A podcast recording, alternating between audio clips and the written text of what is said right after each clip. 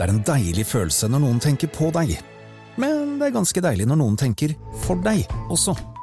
Når du velger Kolonihagen, kan du være trygg på at noen har tenkt for deg. Dyrevelferd og ansvar er hensyntatt, og du kan bare nyte den gode smaken. Derfor har vi i Rema 1000 et stort utvalg av økologiske kvalitetsprodukter fra Kolonihagen til en lav pris. Rema 1000. Det er sluttsummen på valgene vi tar, som teller.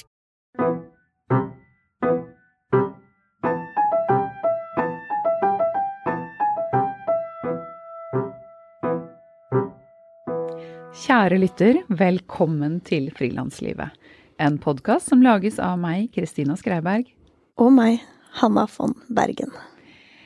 Det vi ønsker å gjøre med denne podkasten, er å være en inspirerende og faglig eh, kanal for alle dere som jobber for dere selv i medie-, kunst- og kulturbransjen.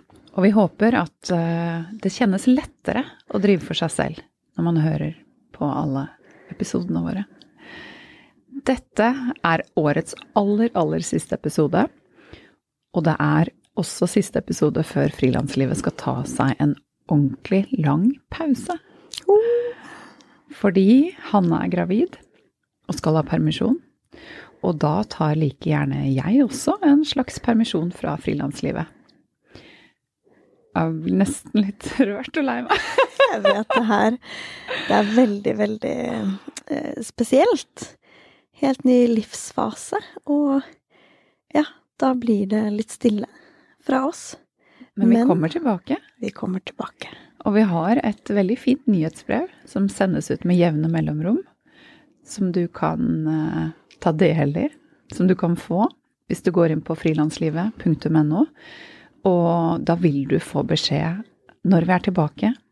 Og også om ting som skjer underveis. For det kan hende det skjer en og annen ting eller vi ja, gir lyd fra oss. Mm. Og vi vet ikke med 100 sikkerhet akkurat når vi er tilbake. Så det er et veldig godt tips å melde seg på nyhetsbrevet. Så får du det bare rett inn i innboksen. Og fordi vi nå står overfor en ny fase, så skal denne episoden handle om eh, veivalg. Eh, om nye tider. Om å sette oss nye mål. Og, å velge og velge bort ting. Mm om strategi. Altså for som frilanser så må man jo på en måte ta disse valgene hele tiden. Hva skal jeg jobbe med, hva skal jeg tjene penger på, på hvilken måte? Eh, hva slags innhold skal jeg drive med? Hvordan skal det se ut? Og det er jo veldig Du er jo selv i førersetet, som regel, som innebærer mange av disse litt sånn strategiske valgene. Selv om man kanskje ikke tenker på det som Strategi er kanskje litt sånn fremmedord. Men det er jo det vi gjør hele tida. Også nå, når eh, jeg fortalte at jeg skal få barn, så innebærer jo det masse valg og prat og avgjørelser. Men så først og fremst gratulerer, Hanna. Det, Tusen takk. Det er ikke som at jeg ikke har sagt det henne før, altså dere, men sånn mens du som lytter hører på. Gratulerer, Hanna! Yay! Det er stort og skummelt og gøy. Det er helt uh, fantastisk. Ja, og nå når vi spiller inn denne episoden, så er det jo desember. Og jeg er rundt syv måneder på vei. Og har termin 9. mars. Som vil si at jeg går i permisjon i midten av februar. Så det begynner på en måte å nærme seg. Kulen på magen blir større og større. Og ja, den nye tiden kommer nærmere og nærmere. Og det vi da vet, er at vi i alle fall er borte frem til over sommerferien mm. 2023. Men Hanna, nå går jo du over i Altså det er en stor overgang fra et hektisk jobbliv, som for deg nå er superhektisk, fordi du både jobber med frilanslivet, og i julestria nå så har du laget Oslo Supermarked på Salt. Tre helger på rad.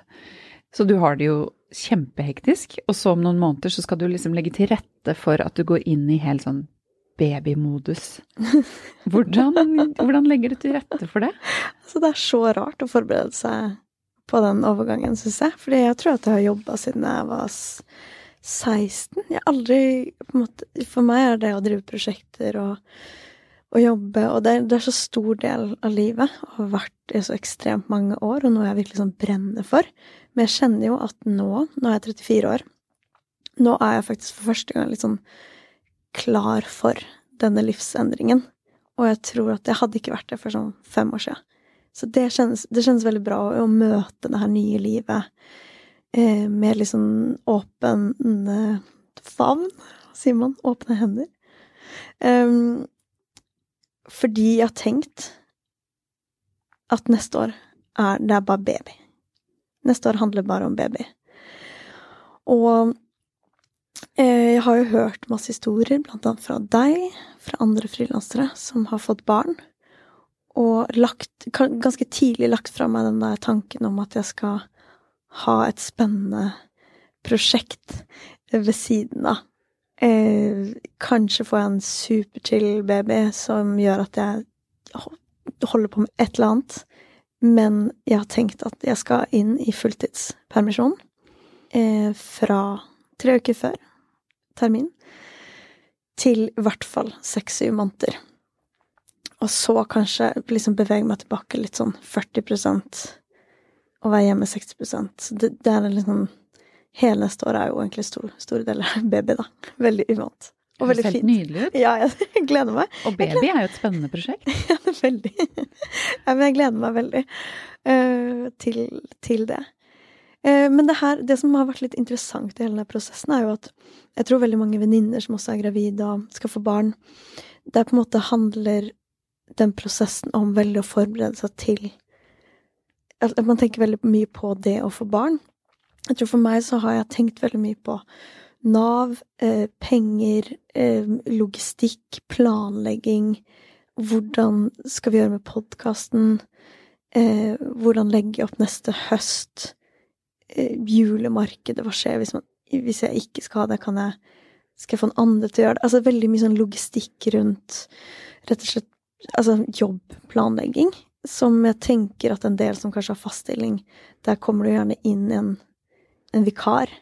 Og det er man, jobbens ansvar å finne den personen? Ja, men siden jeg både er arbeidsgiver og ansatt, på en måte, så får man jo begge rollene. Og det, det har vært litt krevende. Og det kom kanskje mye mer Altså, det kom tidligere enn alt sånn Altså, barnet jeg har ikke kjøpt inn noe utstyr, og ikke, men jeg har liksom lagd AS for å lønne meg selv for å få eh, permisjon, da. Permisjonspenger, foreldrepenger, som er representativt for de åra som har vært. Så det er, så det er liksom komisk, syns jeg, at det, eh, det, har fått ta så stor del. Eh, og det tror Ja, det har vært utfordrende, men, men nødvendig, da. For min del.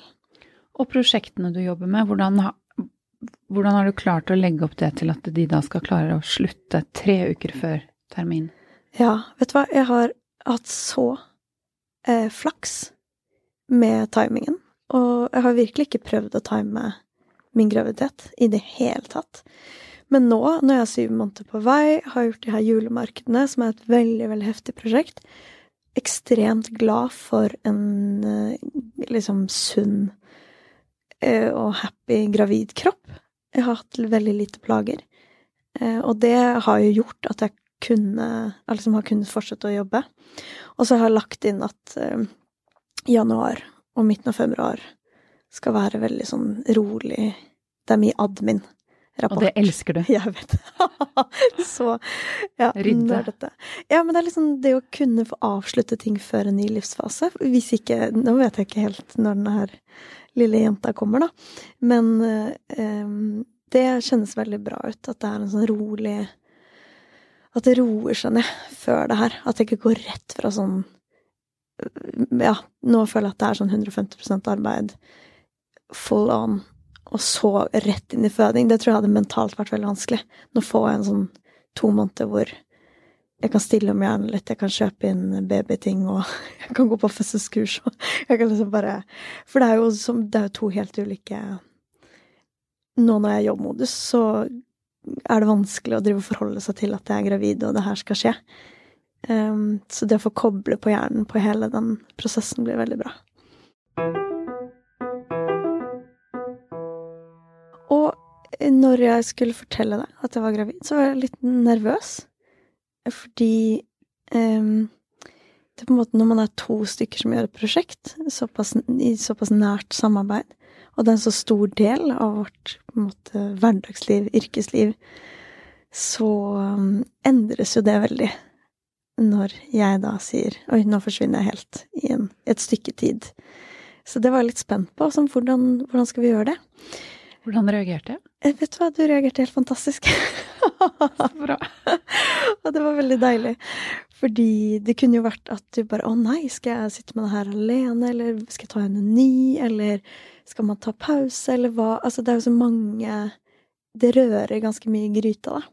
Ja, det er jo ikke som at det kom som en, eh, et stort sjokk. Det er nesten som jeg har tenkt lenger at du kommer til å bli gravid en dag enn deg.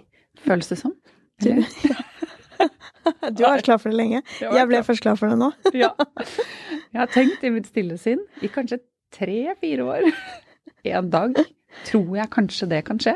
Ja. Ikke det at alle ønsker det, men jeg har vært, eh, hatt et veldig åpent sinn om at det kan skje. Og jeg husker at for noen år siden så tenkte jeg hvis det skjer, så å nei, shit, jeg har jo skikkelig lyst til å jobbe videre med dette prosjektet. Hva gjør jeg da? Får, jeg, får vi inn en annen i en periode? Eh, gjør jeg det alene? Altså, what to do? Mens nå så kjente jeg at eh, med en gang du sa det, at eh, ja, men da tar jeg altså en frilanslivet-permisjon. Og det handler nok om at vårt prosjekt har Altså, det er superviktig for oss begge og fyller veldig mye av frilanshverdagen vår. Men prosjektet og samarbeidet har utviklet seg såpass til å bli at Eller til å handle om at prosjektet er kjempeviktig, men samarbeidet er aller viktigst. Og det vi gjør sammen, og prosessen, og det at vi har det gøy med prosjektet, og ja, den energien vi begge legger i det, det, det er det aller viktigste. Og hvis du blir borte fra det, så å stå igjen alene og jobbe med det, det har jeg ikke så lyst til. Jeg kan kjenne at man er ganske sårbar i, som frilanser når noe har rulla og gått, og skal man på en måte forsvinne, og så komme tilbake etter ganske lang tid. At det er en sånn Det er en risiko, da, i det. Og det føles tryggest ut å bare være til stede hele tiden. Men det det innebærer, hadde jo vært å ikke kunne ha ordentlig permisjon, eller fått inn noe andre, eller det, Altså, det på en måte det er, det er det valget, da, som vi har stått litt i. Ja, helt klart. Fordi vi Det kan godt være vi mister noen av dere, og at det tar eh, flere måneder å, å, få bygget opp eh, på en måte ja, eh, rutinen til dere igjen, dere som lytter, i å liksom Oi, nå er det Frilanslivet-episode igjen. Um, og dere kanskje forsvinner andre steder. Og det er jo Ja, det er en Innebærer en stor risiko mm. å pause noe man har virkelig jobbet for å oppnå. Men jeg tror ikke vi har så mye valg, på en måte. Altså det alternativet er uh... Alternativet kanskje koster mer personlig ja. enn det dette valget gjør.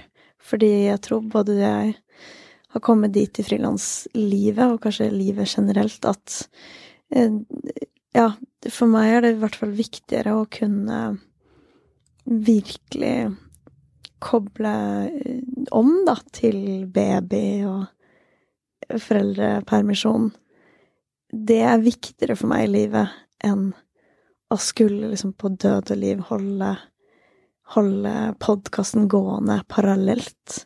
Altså, det hadde kosta mer. Jeg tror jo veldig mange kan kjenne seg igjen og i den, å stå i den skvisen der. At man veldig gjerne egentlig vil fortsette med noe, eller føler man har jobbet veldig hardt for å oppnå noe og derfor burde kanskje fortsette med noe. Eh, men så har eh, man personlig behov for noe annet.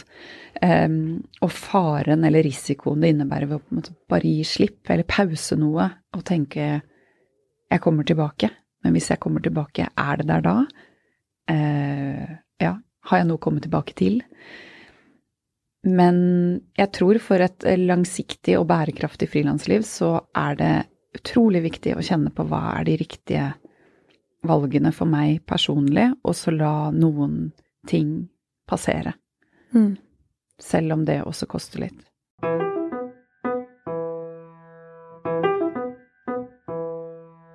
Vi hadde jo, eh, altså vi har brukt nå dette året mye tid på i frilanslivet til å kartlegge hvilke behov frilansere har for kompetanseløft. Fordi vi fikk tilskudd fra Doga, eh, noe som heter DIP-midler. Designdrevet innovasjonsmidler. Og det har vært utrolig spennende, og det er derfor vi nå hadde vårt første kurs i november. Og egentlig var planen i 2023 at det skulle bli den nye satsingen vår. Ja, ja. Å ha kurs parallelt med podkasten. Og vi har jo også gått og snakket om å lage en bok, så egentlig hadde vi ganske sånn store visjoner for det neste året. ja, jeg tror det var derfor jeg også var litt nervøs for å komme og si sånn Du, det blir bare baby isteden, liksom. Ja, og det eh, er jo Kunne jo på en måte vært litt sånn litt bummer at eh, de ambisjonene der og de store planene som vi har gledet oss til i egentlig et par år, bare skal parkeres for en god stund. Men samtidig så tenker jeg at det er Altså at frilanslivet handler veldig ofte om å være veldig omstillingsdyktig. Dyktig. ja. Og omstillingsvillig. Og, og det er jo ikke alltid man har andre prosjekter man bare kan venne seg til. Um, men det er uh, Vi snakker ofte om at uh, det kan være utfordrende, eller oss imellom snakker vi om at vi har så mange baller i lufta samtidig, og jobber med veldig mange forskjellige prosjekter og snur oss fra det ene til det andre. Men fordelen når noe sånt oppstår, er jo at jeg da har hatt mange andre baller jeg kan snu meg mot, og på en måte gi mer fokus. Ting som kanskje har ligget i dvale en god stund, kan jeg tenke ok, den drar jeg litt ut av dvalen, blåser litt liv i det prosjektet igjen, og så legger jeg det ned i dvale igjen når han er tilbake. Mm. Eh, Så det, eh, det må jeg ja, virkelig gi meg selv. Det er ikke bare negativt at man har mange ting, men ja, det kan også gi den muligheten til å vri seg om, da. Absolutt. Så fortell, hva er dine tanker og planer for neste år? Ja, jeg har eh, et personlig, personlig skriveprosjekt. Og jeg vil ikke si noe mer om det, for jeg vil egentlig ikke ha noen ytre forventninger rundt dette, disse skrive, skriveriene. Men det er i hvert fall noe jeg har sittet og puslet med i litt eh, av og på i et par år. Og så vil jeg at det skal kunne få lov til å ta noen år til hvis det trenger det. At det ikke skal være noe som må bli ferdig, eller noe jeg må tjene penger på med det første. Og, men det er jo noe jeg håper en dag blir en bok, og at det er noe liksom skjønnlitterært. Så det er et uvant format for meg, for jeg er veldig vant til å skrive. Men jeg skriver jo journalistikk, så det er jo eh, veldig realisme i det jeg skriver. Det er ikke fantasiverden. Så det er eh, uvant og gøy.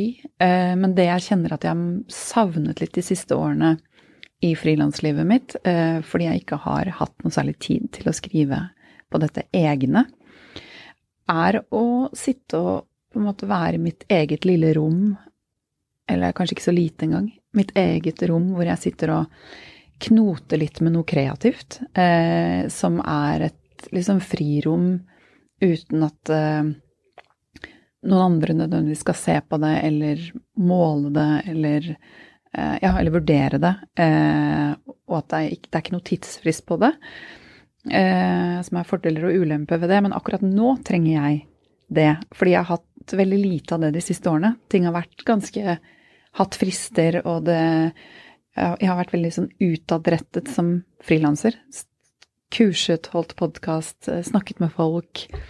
Så jeg kjente at da du sa det, så kjente jeg å, men kanskje det er nå jeg skal få gi meg selv litt den tiden og ta det rommet litt tilbake, og at det passet egentlig veldig bra.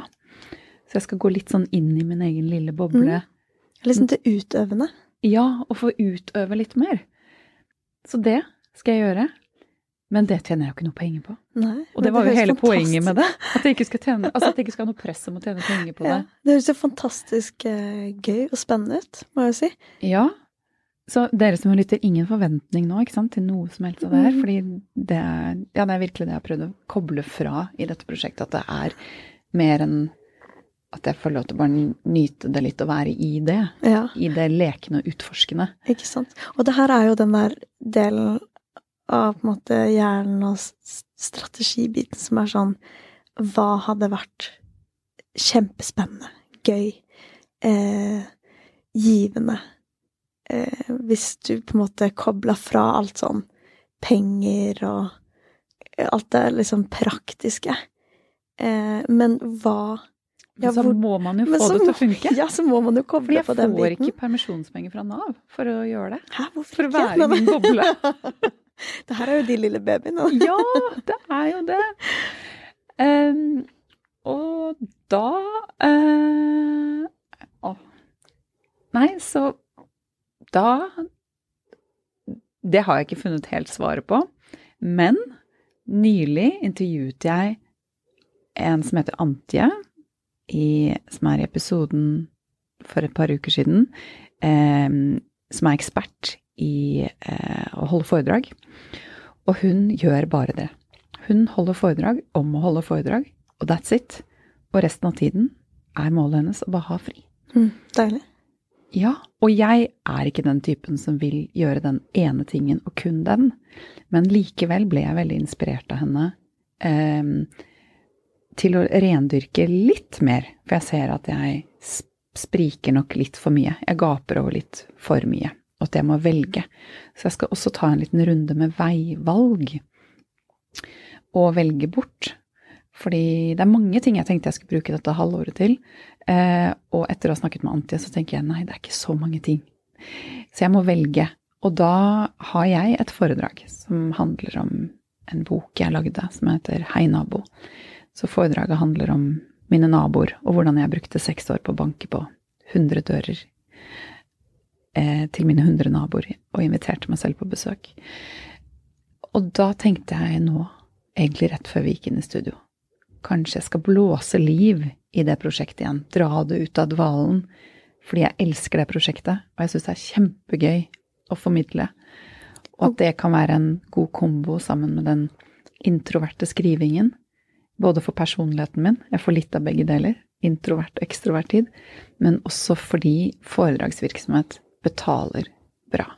Mm. Og jeg tenker at det er eh, interessant Det er jo på en måte en em,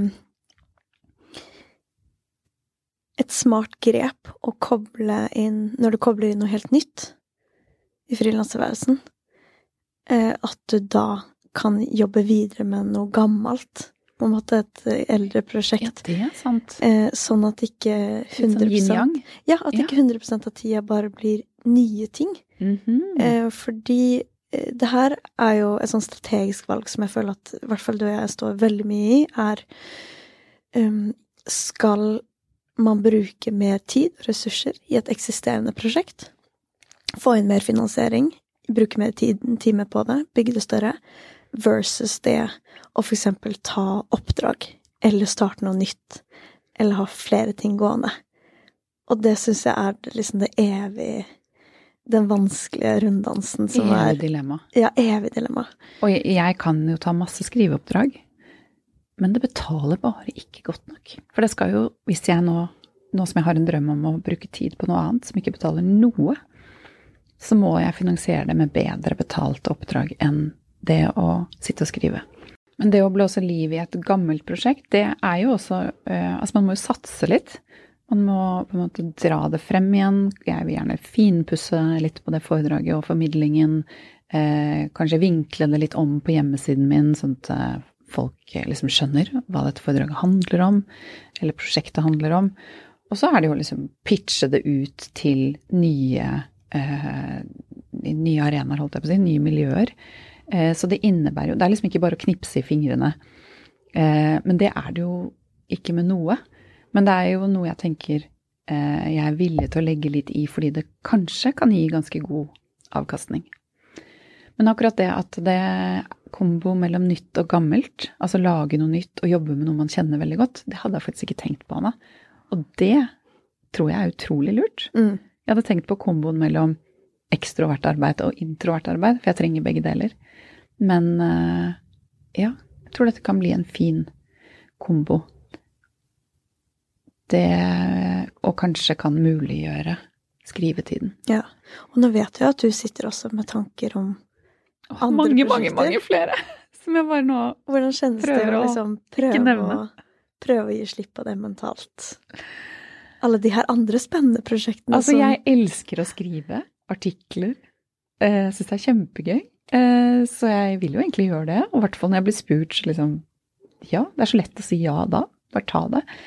Og så underviser jeg yoga, det kommer jeg til å fortsette med ukentlig. Men jeg har også en, eh, eh, en ganske velutarbeidet, eh, velknadd idé om å lage en online yoga, et online yogakurs. For folk som går med mye vondt i kroppen sin. For det har jeg vært så vidt inne på tidligere, at jeg har gått med vondt i ryggen min i 15 år. Men ja, en liten avsporing. Eh, Men det viser jo at det bobler en del opp i hodet. Eh, Og jeg tror jeg bare må parkere det litt for å holde fokus. Ja. Kom, ja, fordi gamle meg hadde sagt ah, du får til alt. Bare gjør alt. Kjempegøy. Ja. Kjør på. Og jeg tenker det jo litt, egentlig. Ja. Ja. Men, Jeg vil gjøre alt. men den litt mer erfarne frilanseren i meg vet jo at ting tar tid. Det tar tid å få fokus, det tar tid å skrive. Det tar tid å pitche inn foredrag, skaffe inntjening. Eh, I tillegg til undervisning som du har hver torsdag morgen. All admin som skal skje. To barn på hjemmebane. Eh, så er det jo de to tingene du har nevnt, pluss yogaundervisningen, er jo allerede egentlig ganske ambisiøst. Og sånn hvis noen spør meg vil være konferansier eller lede en debatt og sånn, så kommer jeg til å si ja, for jeg syns det er supergøy. så ja, kommer nok til å Det er en utfordring å ikke slippe det ja ut av Ja. munnen. Men jeg tror det jeg skal selv legge energien min i å få til, er de to tingene. Mm. Men å velge bort, jeg syns det er så vanskelig. Og eh, spesielt med denne yogasatsingen, fordi den Der er allerede Hjemmesiden er eh, ikke helt ferdig, men jeg har laget den. Laget logo, tatt bilder Altså, det er så mye jeg har gjort. Men jeg prøver å fortelle meg selv at den løper jo ingen steder.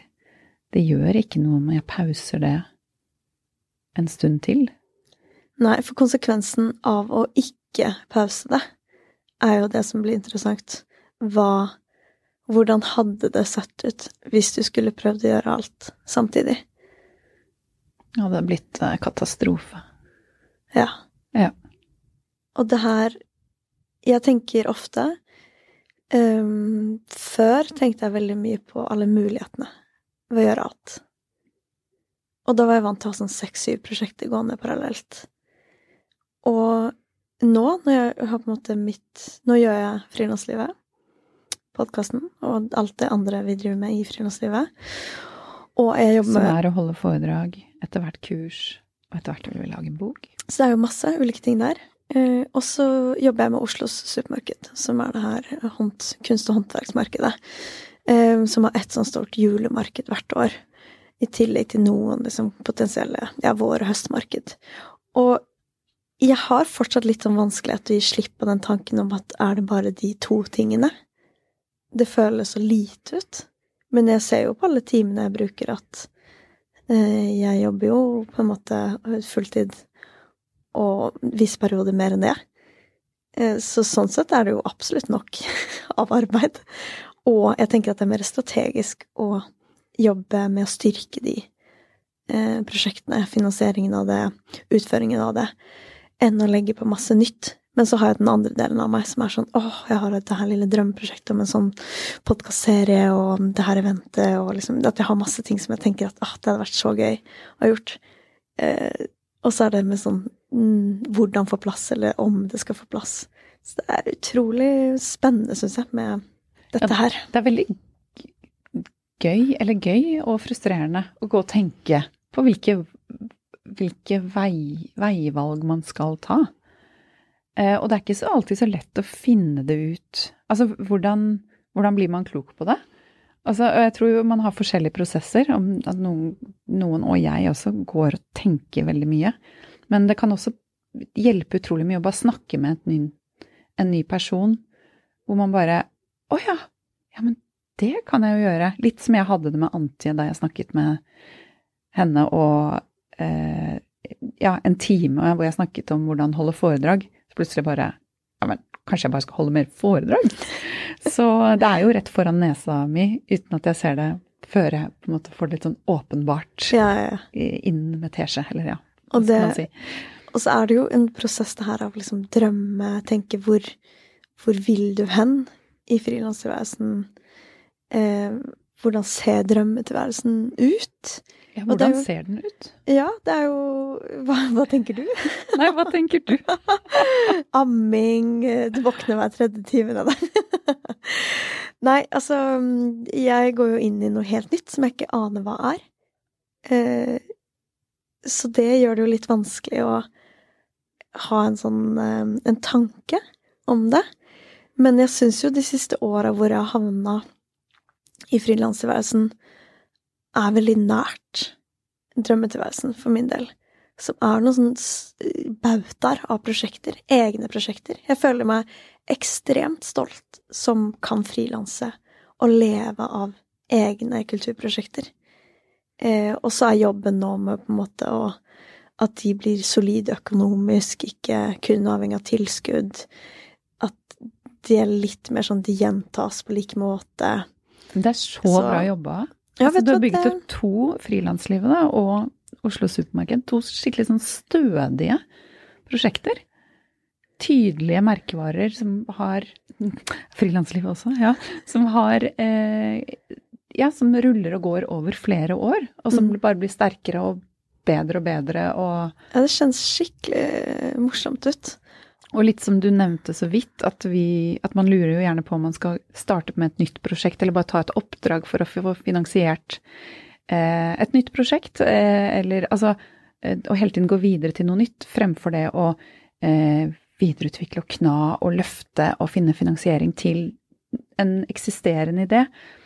Og det, vi er jo veldig tilhengere av det, å jobbe med det gullet du allerede har skapt. Og det er jo disse to prosjektene for deg to veldig gode eksempler på. Mm. Og sånn var jeg ikke før i det hele tatt.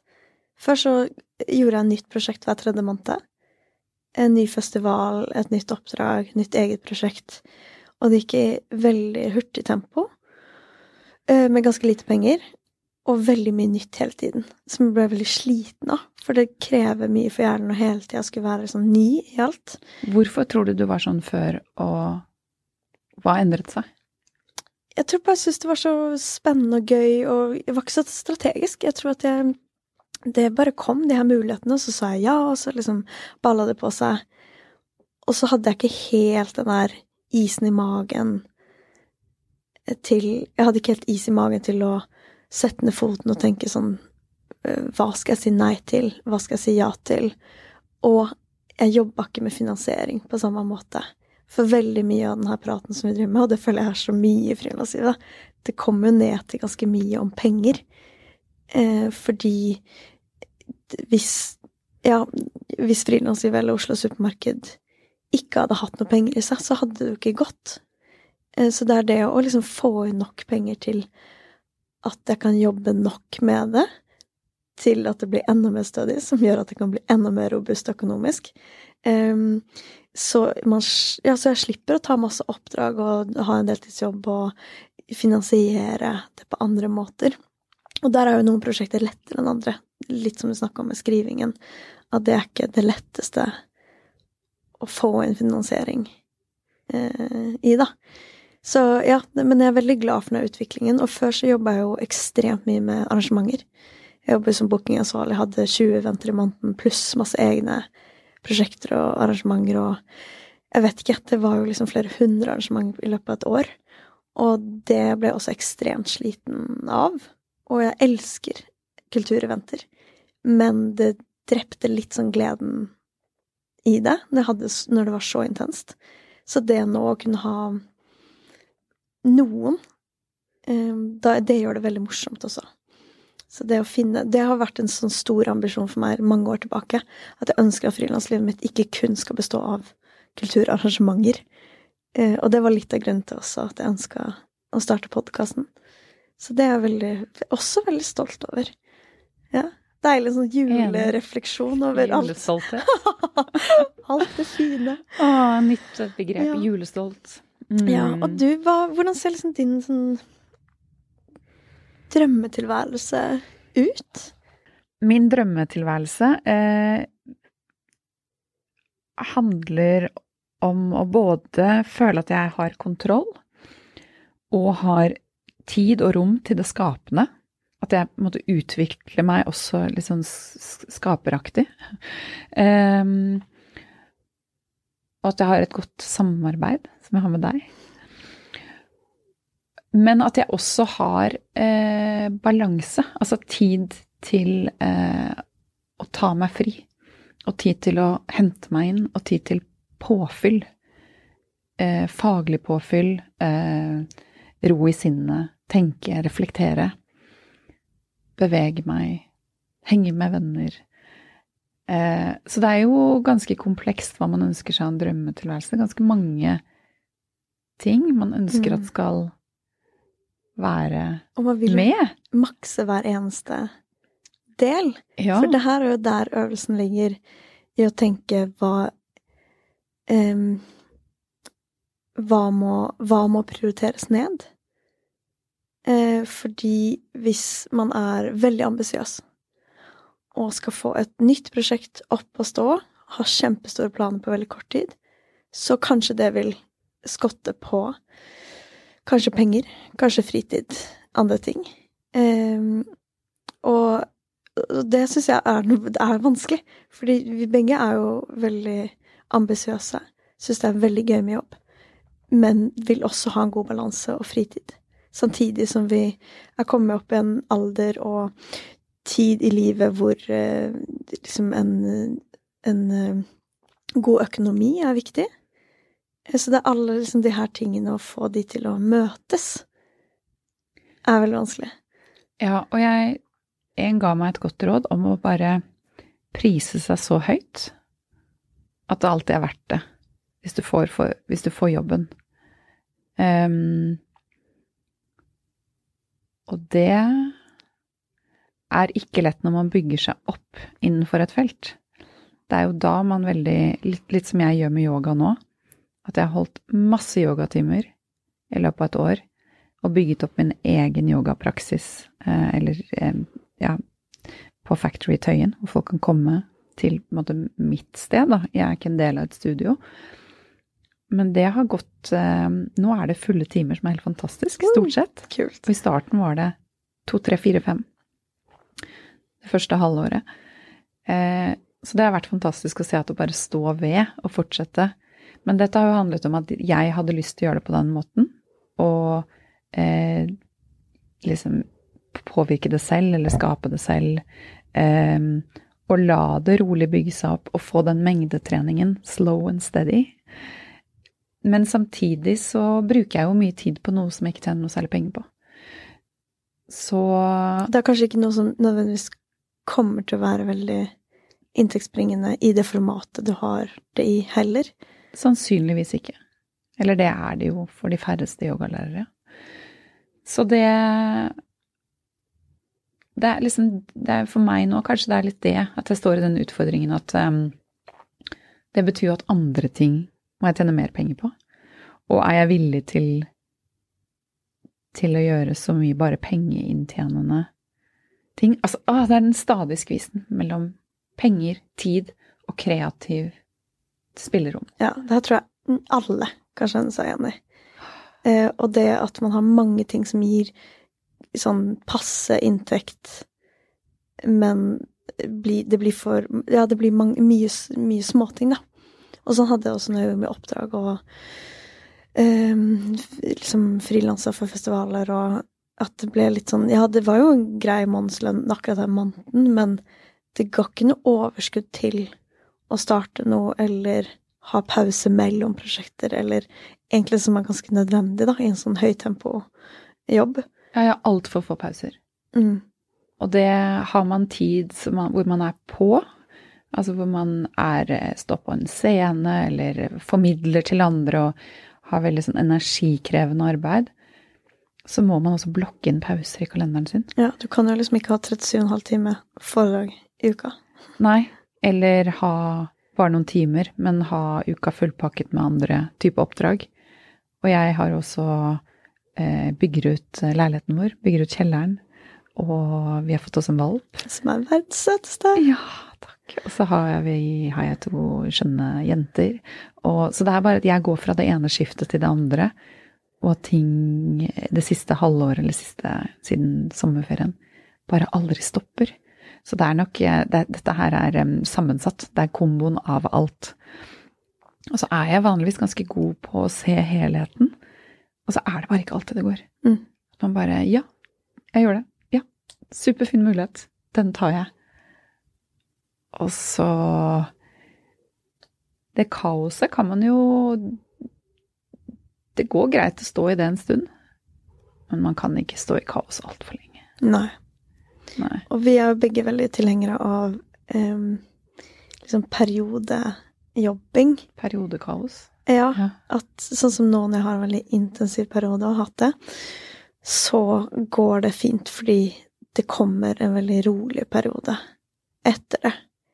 Eh, og da er det mentalt lettere å takle det, og bare fysisk lettere. Em, men det forutsetter jo at den intensive perioden kan finansiere den rolige perioden. Det er akkurat det. Fordi hvis ikke, så blir det aldri en rolig periode. Hvis ikke du på en måte har en ja, veldig mulighet til å eh, senke kostnader, da. eller jeg vet ikke, stikke til Bali og leie ut liksom kåken, eller Men eh, for de fleste som har litt mer sånn jevnt kostnadsnivå, så um, er det jo inntekten som eh, må variere. Ja. Mm. Og det, derfor eh, så er det utrolig lurt å gjøre altså Samtidig som du kanskje bygger deg opp innenfor noe, hvor du ikke da kjenner at du kan ta så godt betalt, eller du bruker mye tid på å forberede deg, eller grue deg, eller sette deg inn i det, og ja. Ehm, da er det veldig lurt å kombinere det med noe som ikke koster deg så mye eller som er ganske godt betalt, eller et sted hvor du bare kan gå, tjene penger, og det tar nesten ingen energi fra deg. Mm. Så at du har den balansen. For hvis du bare bygger deg opp og sier ja til Eller gjør ting da for altfor lite penger, og fortsetter og fortsetter og fortsetter med det, ja, så vil du ikke få en pause. Nei, nei, nei. Så her er det jo på en måte det å tenke strategisk handler om veldig, veldig mange ting. Mange nivåer også. Nå snakker vi litt om sånn det, helheten av um, ditt frilansliv. Hva består det av? Hvilke type oppdrag? Hvilke type prosjekter? Hva gir deg noe? Hva koster deg noe? Hva gir deg penger? Hva gir deg ikke Penger, penger? penger, penger. Ja. Eh, og så tror jeg også det handler veldig mye om å kunne se på liksom, strategien i hvert enkelt prosjekt. Eh, og det har jo du og jeg jobba mye med når det gjelder frilanslivet. Eh, hvordan kan vi ha flere inntektskilder? Hvordan kan vi skape variasjon? Hva syns vi er gøy å utvikle oss i? Sammen med Oslo Supermarked, dette julemarkedet. Hva trengs av finansiering? Hvordan kan det skaffes? På hvilken måte?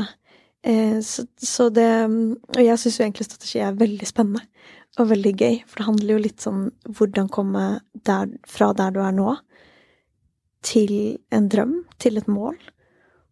Og hva er alle disse ulike eh, veiene du kan velge å liksom tråkke ned, og prøve å bevege deg på. Kronemarked hos Spar. Nå har vi en mengde varer til 10 og 20 kroner. Hele denne uka får du løbiff fra Folkets før 54,90, nå kun 20 kroner. I tillegg får du et utvalgt Vasa knekkebrød, før fra 1690, nå bare 10 kroner. Alltid tilbud på noe godt. Hilsen oss i Spar.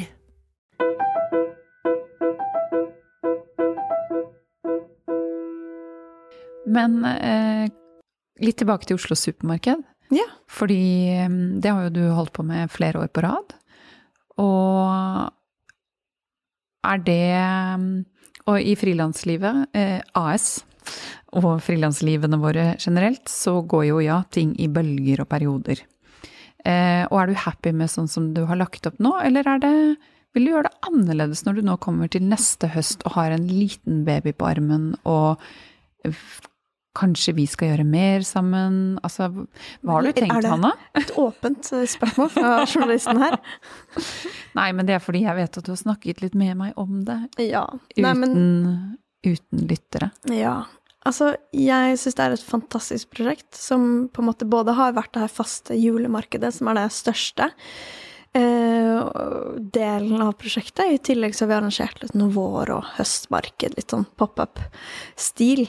Eh, men neste år, hvis alt går etter planen, så er jo jeg Har jo en liten baby eh, og kommer til å være i Altså, jeg min samboer og jeg kommer nok til å ha sånn klassisk frilanslivet-oppdeling, at vi begge får jobbe litt sånn 50-50. Så kanskje på høsten så jobber jeg 40% der i perm, 60% Og så er det jo når man føder den her ungen, og når den får barnehageplass og eh, sånne ting også, som gjør at det potensielt er en ganske lang periode hvor det blir litt sånn balansegang, da, mellom jobb og hjemme. Og da har jeg jo tenkt at det er helt urealistisk at jeg både på en 40% skal kunne gjøre det en gjør nå, på en ca. 120-130 som denne perioden av året innebærer. Eh, og for å gi et lite inntrykk av julemarkedet, så er det på en måte tre helger eh, på Salt i Oslo som vi har arrangert eh, julemarked med i år har det vært 18 000 besøkende, med 110 ulike aktører som selger smykker, kunst, mat, litteratur, alt mulig, gjenbruk, og ti ulike kultureventer. Så det er et ganske sånn hårete prosjekt. eh, Mye prosjektstyring og logistikk og eh, kommunikasjon med alle de som deltar. Yes. Og vi Men er eh, to så man kan stykker. eh, Bare for å skyte, man kan da delta hver helg og se noe nytt hver helg. Ja. Fordi med de 110 forskjellige, så er det noen av de den ene helgen, og så er det noen helt andre neste helg. Yes. Og helt andre Mm. Så alt av innhold byttes ut hver helg. Og det er jeg og Ida som eh, gjør dette prosjektet, og da har jeg kanskje jobba eh, ca. 60-65% og Ida 30-40, litt sånn avhengig av hvilket marked det har vært, og hvilke år det har vært. Og det merker jeg jo at det er jo ikke bærekraftig til neste år. Grunnen til at jeg tar det opp, er jo fordi denne episoden handler jo litt om sånn veivalg og strategi, og hvordan man egentlig skal liksom legge opp eh, det her eh, Ja, sine prosjekter, sitt eget frilansliv. Og jeg står jo i den kanskje utfordringen at jeg virkelig har lyst. Jeg ser at det er en veldig Jeg ser at det kan være ganske negativt å ha bygd opp, og så plutselig et år være borte. Eh, I forhold til publikum, og at det er lettere om det blir en årlig ting. Og hele samarbeidet med Salt, hva gjør de hvis ikke vi kan ha julemarked? Det er ganske mye sånn negative potensielle konsekvenser. Og så har jeg også tenkt at men jeg kan ikke gjøre det på den måten jeg har gjort det. Så da blir det jo egentlig for meg, både med deg nå, kna det litt, og um, kanskje januar og februar før jeg går ut i permisjon, og prøve å finne ut sånn Fins det alternative veier hvor markedet kan bli arrangert, men jeg ikke eh, skal bruke 300-400 timer på det? Ja. Kan du være um, director of Oslos supermarked? CEO. CEO, og at dere At du bygger et team på kanskje fire andre som jobber prosjektbasert med kultureventer. Men at du holder i visjonen og strukturen og rammene? Ja, det er, en, det er et alternativ jeg har tenkt, at kanskje er det mest sannsynlige få inn nye mennesker inn i prosjektet. Et slags krisescenario er jo at jeg setter i gang alt det her, og så er det for få personer, eller for lite finansiering, eller eh, ja, personer som ikke eh, holder i det i stor nok grad, da.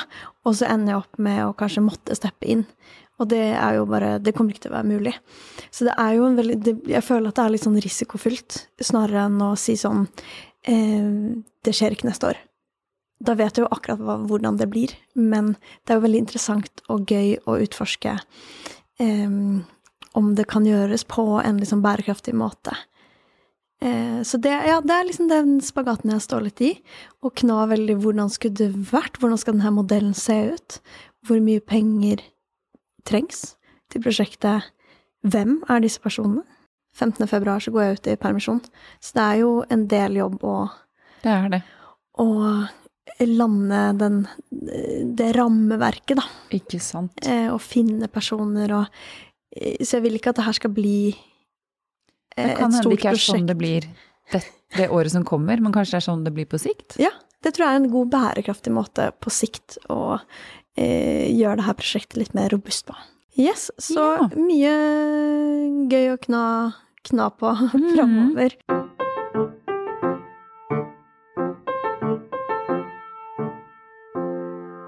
Du og jeg har jo egentlig bevegd oss fra å ville lage en podkast, som vi nå har gjort i fire-fem år. Dette er episode 170, som er jo megakult.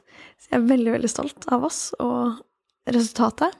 Og så har vi også utvikla frilanslivet til eh, noe mer enn kun i gåstegna podkasten. Vi har mye foredrag og workshops, og så har vi starta med egne kurs, som er fantastisk gøy. Eh, hatt et, en første runde med et krasjkurs for frilansere, og det skal vi ta opp tråden på eh, Vi skal ta opp tråden og jobbe videre med det til høsten, etter eh, når jeg er tilbake fra permisjon. Og så skal vi også lage en håndbok for frilansere. En kul en. Masse fette bilder og illustrasjoner. Og det er jo så både blir inspirerende sånn- tekster og ting du kan lære. Ja. Mm. Eh, og vi har jo hele tiden eh, på en måte hatt en forventningsavklaring overfor hverandre at vi har lyst til å gjøre andre ting utover eh, podkasten eller Frilanslivet AS-jobbingen. Så vi har prøvd å legge oss på sånn ca. 40% hver når det gjelder dette arbeidet. Og da blir det jo spennende, fordi både du og jeg har jo lyst til veldig mye, har veldig mye ambisjon, har starta alle disse ulike tingene. Eh, og da gjenstår jo spørsmålet hvordan skal vi få til det på en 40% hver? Ja, og jeg går eh, stadig, eller det dukker opp hos meg ganske ofte at å nei, jeg må ikke spre meg for tynt. Eller eh, at det krever mye av meg å skulle snu meg rundt fra det ene prosjektet til det andre. Og det var en som spurte meg forleden, hadde du vært villig til å kun gjøre frilanslivet? Og jeg var uh, ja, hvis jeg har tid til litt andre ting ved siden av. Men så tenkte jeg over det, hvis jeg har tid til andre ting, men jeg trenger kanskje ikke nødvendigvis ha et press om å tjene penger på de andre tingene. Men hvis jeg Altså fordi det viktigste for meg er fleksibilitet, variasjon og en form for frihet i frilanslivet mitt. Og mulighet til å eh, uttrykke meg og utfolde meg på flere måter. Og variere den eh, Og eksperimentere. Og det eh, kan man jo fortsette med uten at jeg nødvendigvis trenger å tjene penger på den eksperimenteringen som man gjør ved siden av. Altså det kan være kanskje mer dager man setter av til å skape noe som en eller annen dag blir til noe, men at vi kanskje kunne jobbet med frilanslivet og sluppet å høsle i gåseøynene, eller ta andre oppdrag ved siden av frilanslivet, er jo ikke en så veldig lite forlokkende tanke, egentlig. Nei, og for min del så har jeg jo tenkt mye på eh, Jeg driver jo Oslo Supermarked, som er et sånn kunst- og håndverksopplevelsesmarked. Så det er jo på en måte det jeg gjør primært eh, ved siden av eh, vårt samarbeid og vårt prosjekt. Og så har jeg jo også i tillegg gjort en del oppdrag, andre prosjekter som varer kortere. Men det er jo, nå som vi snakker om veivalgstrategi, så er det jo hele tida en Det er fint om du bestemmer deg nå, ja. en vurdering om eh, skal man prøve å liksom presse ned frilanslivet, podkasten til 40% for å så ta andre oppdrag. For det er egentlig Eh, det vi har holdt på med. Ja, versus det å kanskje bruke enda mer tid da, i det her prosjektet, og heller jobbe med finansiering og gjøre det større. Så det, og det syns jeg er interessant generelt når man ser på frilanslivet sitt um, med disse vurderingene, fordi før så tenkte jeg jo litt at eh, jeg måtte gjøre masse oppdrag, og så ble det en slags sånn bonus når jeg kunne ha tid med eget prosjekt. Mens nå så har jeg nesten snudd på det og tenkt at hvis jeg kan bruke to uker mer i eget prosjekt på f.eks. finansiering eller markedsføring eller eh, å bygge det mer robust og bærekraftig, så kanskje jeg får på en måte mer igjen enn om jeg bruker de to ukene på å gjøre, ta et oppdrag. Og hadde vi investert mer tid i dette prosjektet, som hadde eh, kanskje fått løftet det Eller vi hadde kunnet løfte det på en helt annen måte, så kanskje man bare tar de oppdragene vi virkelig har lyst til, ved siden av. Eh, og og så må vi være sånn kjempekule, eh, ikke sjefer for hverandre, for det blir, det jo, det blir jo ikke det. Eh, altså, frykten for meg er at det blir en fulltidsjobb, hvis du skjønner. Ja, men, det er så bra. Men, Så at man kan, drømmen til mange, den. men for oss er det frykten. ja, og så er det jo noe med at det fins et slags sånn tredje alternativ, som ikke nødvendigvis er en fast deltidsstilling, da, hvis man kan si det, om det er liksom 40 eller 60 eller 70% Men eh, noe jeg er veldig fan av, er jo at ting kan få gå i perioder. Og sånn har vi jo gjort med podkastens episoder. At den er sesongbasert.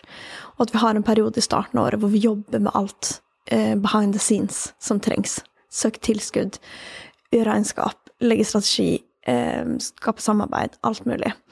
Så det er jo også et alternativ, og sånn ser jeg for meg når det gjelder bok, når det gjelder kurs. Det er jo ikke noe som er en konstant eh, liksom, ting som ruller og går likt hver uke. Det vil være mer intensive perioder, og så vil det være roligere perioder. Så innenfor Frilanslivet AS så vil det være ja, flere underprosjekter Mm. som går i perioder.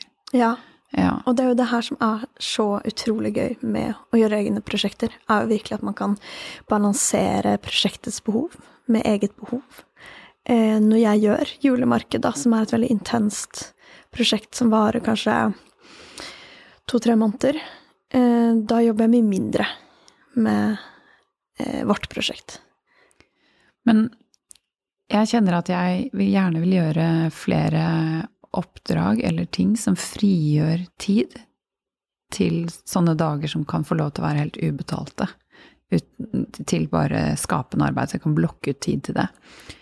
Eh, og det interessante er jo at eh, for fem år siden, da vi startet Frilanslivet, så var det andre oppdrag som jeg gjorde for å kunne blokke ut tid til frilanslivet. Mens nå har jo frilanslivet blitt eh, noe vi tjener altså, altså vi får betalt for den arbeidstiden vi legger ned. Um, og det er jo litt fint når måte, prosjekter endrer seg og blir såpass stødige. Og hvis det kan bli enda stødigere, så det faktisk også kan finansiere sånne prosjektdager til andre prosjekter, det ville jo vært helt prima. Mm, Vårt eget prosjekt absolutt. finansierer nye, Ja. egne prosjekter. Men eh, en strategi vi har hatt, som jo har vært veldig bevisst, er jo det der med å bevege oss eh, mot kun å kanskje tilby en gratis podkast som er veldig tilskuddsfinansiert. Eh, og annonsører og samarbeid og andre ting, men til å ha flere ben å stå på.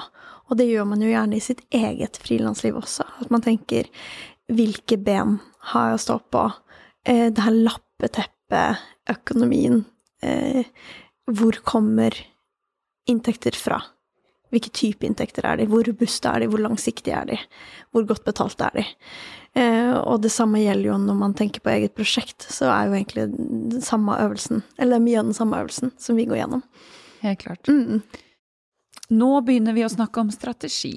Ja. Mm. Vi har jo egentlig snakket, hele episoden har vi egentlig snakket om strategi. Ja, for er dette sånn som vi sitter og babler nå, er det strategi? Ja, jeg tenker at alt som handler om at du er et sted og vil nå et mål, eh, alle de valgene eh, for å komme deg dit, komme deg til målet, det er egentlig på en måte strategiske valg som handler om eh, hvem skal gjøre det, på hvilken måte skal man gjøre det, hvordan finansiere det, hvem skal man samarbeide med, eh, hvordan skal man nå ut? Alt Og- det her er jo massevis av valg innenfor liksom hver Masse, masse, masse, masse bolk. Men det er jo det med å tenke legge frem brikkene, holdt jeg på å si, eller veiene til målet. Det er jo, eh, handler jo gjerne om at en selv har et behov. Eh, noe en har lyst til å utrette eller nå eller eh, få til. Man har behov for noe. Eh, og man trenger da kanskje gjerne andre, eller lære seg noe, eller altså et eller annet for å dekke dette behovet. Men samtidig, hvis man da ser på hvilke ressurser man sitter på, og ser på behovet sitt og ressursene sine sammen, kanskje liksom legger de på en vektskål, kanskje er ressursene mye tyngre, at du har mye mer ressurser enn behov, kanskje? Mm, Ja, vi får se. Ja. Så er det kanskje noen som sitter også, noen andre som har et behov og noen ressurser. Og hvis man klarer å finne noen samarbeidspartnere som de kan møte ditt behov, og de trenger dine ressurser, og omvendt, hvor det er en klaff i behov og ressurser, bytte mellom disse tingene, eh, som jeg tenker min yoga på Factory Tøyen er et eh, tydelig eksempel på. Jeg hadde veldig lyst til å finne et sted hvor jeg kan kunne undervise yoga, og gjerne bygge opp noe eget. De hadde lokaler, et nytt sted hvor de gjerne ville skape community, og få ting til å skje, og kunne tilby yoga som en del av dette kontorfellesskapet og arbeidsstedet som det er. Og der er det jo jeg har et behov, de har et behov, og vi sitter på hver våre ressurser. Så det å se det, eller åpne blikket litt for hvem, hvem er der ute som hvor dere, hvor dere matcher, Mm. rett og slett. Og denne øvelsen kan man virkelig sånn dra veldig ned på detaljnivå. Og man kan dra det veldig opp i litt sånn fugleperspektiv. Hvordan er det når man drar det opp? Ja, da er det jo eh, litt sånn Vi har lyst til å lage en podkast. Hvem har behov for denne podkasten? Men kanskje detaljnivået er eh, eh, den episoden om aksjeselskap versus enkeltpersonsforetak. Hvem andre eh, har interesse av den tematikken, da? Eller hvem kan man samarbeide om de episodene med? Så det er jo Fiken og folio? Fiken og folio. Ja. Så det fins jo eh, veldig mange måter man kan eh, jobbe med det her på, og jeg syns egentlig det er veldig interessant, for det er sånn jeg syns at prosjektet blir mer robust. Eh, og Man jobber med fugleperspektiv og mikroplan parallelt? Makro og mikro? mm, Mm. Og det fins et veldig bra verktøy som heter Business Model Canvas. Oh yes. Som Jeg vil jo på en måte si at det er et slags strategiverktøy, fordi det er en, en slags tegning av din eh, em, Altså forretningsplan. Men det er litt sånn streit ord. Det er jo tegning over prosjektet ditt, som du også kan velge å måtte se det som. Hvor du både kartlegger hvilke ressurser du trenger for å eh, gjøre det prosjektet, men også hva er verdien du skaper. Og hvordan får du denne verdien ut til måte, sluttbrukeren? Hvem er det som er målgruppen? Hvem skaper du verdi for? Hvilke kanaler trenger du for å nå disse personene? Eh, samarbeidspartnere. Og hvordan ser liksom inntekt- og kostnadssiden ut? Så kan man eh, på et A4-ark f.eks. plotte inn og eh, litt sånn øve seg på å leke seg med eh, strategien, da. Fordi eh, klassisk eksempel er jo kanskje at man har alt mulig av verdi til alle mulige. Som skal gjennom alle mulige kanaler og samarbeide med alle mulige. Men så må man kanskje ta et valg for eh, hva man skal gjøre.